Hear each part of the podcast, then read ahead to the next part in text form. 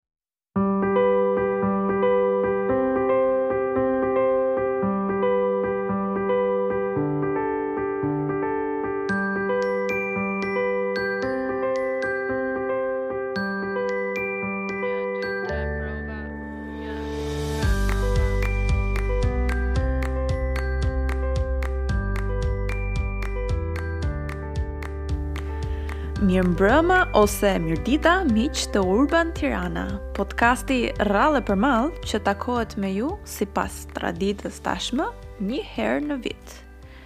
Me thënë të drejtën, e nisa dhe ta shkruaj një episod tjetër diku nga fillimi i dhjetorit, ku në mes të një pandemie që vazhdonte dhe rrënonte jetë njerëzish, si fizikisht ashtu dhe ekonomikisht, një i ri shqiptar, njëzet e pesë vjeçar, u qëllua nga policia mu përpara derës së shtëpisë së tij, për shkak se theu rregullat e mosqarkullimit në oraret e darkës. Do thoja ndonjë fjali të tipit as qeni nuk qëllohet përpara shpisë vet, po duke e ditur se si vriten qentë në Datsak nëpër Tiranë, do ishte pak a shumë lot si fjali, domethënë edhe Ëh nisi shumë ëmbël ky ky episod. Nejse. Nisa të shkruaja këtë episod, por isha tepër emotive kur e shkruajta dhe pas ca ditësh kur e lexova, më kapi një si tip kështu sikleti me veten time dhe e lashë fare, thashë nuk po e nxjerr se do jetë shumë cringe.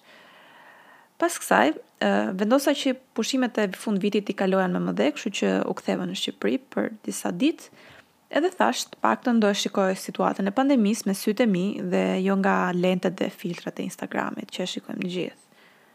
Edhe ç'të shihja do thoni juve. Keni parasysh atë shprehjen në anglisht që thotë a reverse culture shock, më falni për theksin tim, në shqip i bie tip tronditje kulturore nga ana e kundërt, domethënë. Edhe goca juj që kaloi e qetë një nëntë mujor të këndshëm fare, e mbyllur, duke mos takuar as edhe një njeri, duke mos vajtur në punë, duke respektuar të gjitha masat e Covidit me maska me gjëra, kur sapo mbërrin në vendlindje, bam, babi që më hidhet në qafë, domethënë sikur nuk kishte ndodhur asgjë, pa maskë, edhe bën këto adetet e emigrantit që i dimë të gjithë.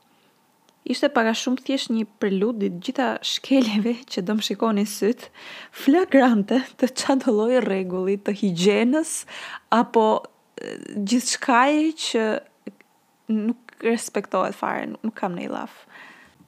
Kafetë plot gjithandej. Takime, shtrëngime duarsh, hedhje në qafë, njerëz që rrinë ngjitur në radhë në supermarket etj etj. Tani mu m'u duk vetja si ato tipat që shkojnë 6 muaj në Spanjë edhe thonë, i thonë Barcelona, jo Barcelona, ose këta tipat, domethënë, ua, po nuk e di se si jetoni juve këtu, kuxhino. E kështu më kapi sikleti me veten, po me vërtet ato ditët e para, 2-3 ditët e para, sidomos, Nuk shkoja dot në supermarket sepse herën e parë që vajta, sapo u ktheva i thashë mamit, ok, do t'i bëj unë pazaret sot, si gocë e mirë që jam. Edhe shkoj në supermarket, atje njerëzit pa maska. Mu që më kap paniku. Bleva ça kisha për të blerë kështu shpejt e shpejt dhe dola që të paguaja lekët aty radha ngjit me njëri-tjetrin, nuk bëhet fjalë respektimi. Ato vizat në tokë i kishin vënë, domethënë që një 1.5 metra larg, po as edhe një njeri nuk i respektonte. Më vinin ngjitur mbas kurrizit, unë e shkreta që po mundohesha të lija pak hapësirë përpara këta që më shtynin edhe pavarësisht se i thashë edhe me fjalë të lutem qëndro larg, ke parasysh se në Shqipëri është pak si siklet që të flasë dikush tjetër, dukesh ku pak si snob, po në fakt janë thjesht ca rregulla që duhen respektuar, nuk është fare çështje snobizmi, sidomos në kohë pandemie. Dhe që prej asaj dite, unë nuk, nuk vajta më në supermarket, derisa mora veten psikologjikisht nga shoku i madh që kisha pësuar nga udhëtimi im në supermarket. Tani, gjëja më gallatë tjetër që nuk e di, më duket shumë surreale dhe pa asnjë lloj kuptimi, është që fakti në Shqipëri edhe tani aktualisht po edhe kur vajta në dhjetor kafetë dhe lokalet janë hapur deri në orën 8 e deri në orën 10 por e, mund të shkosh të ulësh pish diçka dhe mund të mos përdorësh maskën brenda. Mirë kjo. Po ka një rregull që thotë që duhet ta mbash maskën rrugës kur ecën dhe është absurditeti më i madh që njerëzit duke ecur e mbajnë maskën edhe pavarësisht se nuk e mbajnë të gjithë ashtu siç duhet, po thjesht hundën e lënë jashtë për shembull, kur ulesh në lokal që është rreziku më i madh që ti mund të kesh kontakt me persona që janë sëmurë, e heqin. Edhe kështu, për të evituar ankthin që mund të më jepte ulja në kafe, përfundova duke gjetur kafen më të lodhur që mund të ekzistonte, më bosh që mund të kishte ajo lagje dhe u ula dhe e piva kafen aty e qetë, pa më shqetësuar njeri dhe pa pasur rrezikun e njerëzve të tjerë anash që mund të më rrisnin nivelet e mia të ankthit prej emigranti. Pashë dhe njërin në rrugë që kishte vënë maskën, si rrallë herë e kishte mbuluar dhe hundën, edhe po i vinte për teshtirë, hoqi maskën, teshtiu, Dhe e vuri po prap. Dhe që aty vendosa që mos ia jepja askujt dorën. Kështu që kur isha detyruar që të takoja shokët e tim ati, ëm ata më zgjasnin dorën dhe unë nuk ia jepja dhe im at pak në siklet i thoshte më fal po vajza nuk ta jep dot dorën.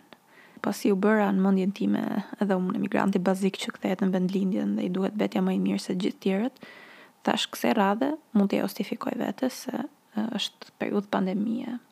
Ajo që më habiti më tepër ama është që çdo kënd që takova aty, si të shtëpisë, si njerëzit e afërt, ashtu dhe shoqëria ime, ishin të gjithë mendimit që hëm se nuk është edhe aq keq situata. Nuk na gjen gjë neve shqiptarëve, e kemi në majë të gjuhës këtë shprehje ose ato tipit na run zoti.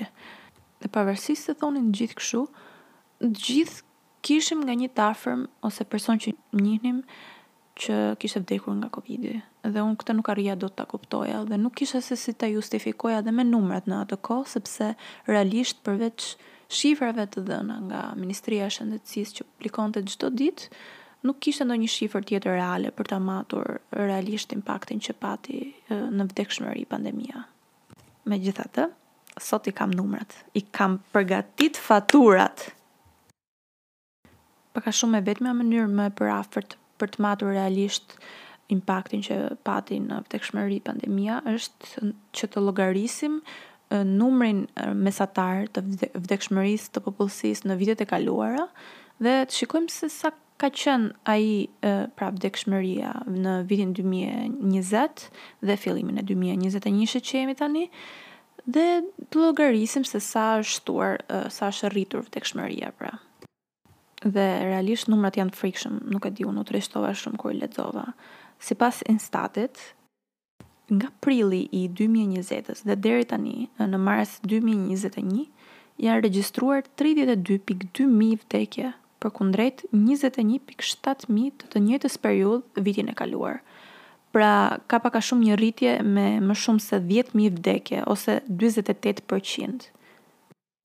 Dhe në qoftë se toni dhe zëri im nuk e bën mjaftueshmërisht tragjike këtë numër, domethënë, kini parasysh që krahasuar me popullsinë, qëndron aktualisht e renditur e para në Europë për vdekje të shtuara nga pandemia. Ca numra të tjerë, në qoftë se nuk më besoni apo keni dyshime të tjera, rritja më e frikshme ka ardhur duke nisur nga nëntori dhe duke vazhduar deri në mars me një ulje të vogël në janar pak a shumë.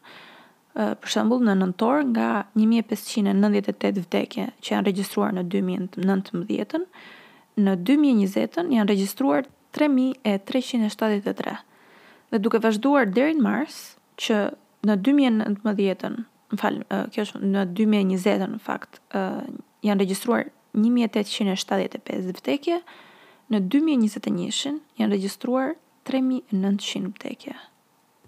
Dhe përtej numrave të raportuar zyrtarisht nga Ministria e Shëndetësisë apo nga, nuk e di, kanale të tjera që mund të raportohen zyrtar, rritja e vdekshmërisë në këtë Këto lloj nivele është realisht e frikshme. Dhe duket sikur nuk ka një trend në ulje të këtyre numrave. Ndaj unë nuk e di jam ndjerë shumë e pafuqishme realisht për të ndryshuar gjërat dhe me të vërtetë që mund t'i shpreh vetëm një ngushëllim shumë të sinqertë të gjithë atyre që kanë humbur një person për shkak të Covidit. Edhe shpresoj shumë që të mund të ndërgjegjësoj të paktën një pjesë të njerëzve që thonë që nuk na gjen gjë, nuk është e vërtetë, se jemi shqiptarë, jemi të fortë. Prandaj bëni shumë kujdes, ruani veten, ruani të moshuarit, mbajni ato maskat aman, mbajni tamam, bëni ato vaksinat ku të mundeni, ato që munden dhe mos bëni party. Pavarësisht se kemi më shumë se një vit që s'kemi bërë ndonjë party, po mos bëni edhe pak duroni dhe kështu për ta mbyllur pak më këndshëm domethënë jo kaq zi uh, falenderoj shumë të gjithë dëgjuesit edhe të gjithë ata që kanë shkruar. Megjithëse duket sikur jam shumë keq në këto media sociale dhe rrjetet e tjera, unë i lexoj Po duhet marrë parasysh që është thjesht një projekt që unë e bëj në kohën time të lirë. Edhe gjithsesi i i, i vlerësoj shumë dhe ju falenderoj.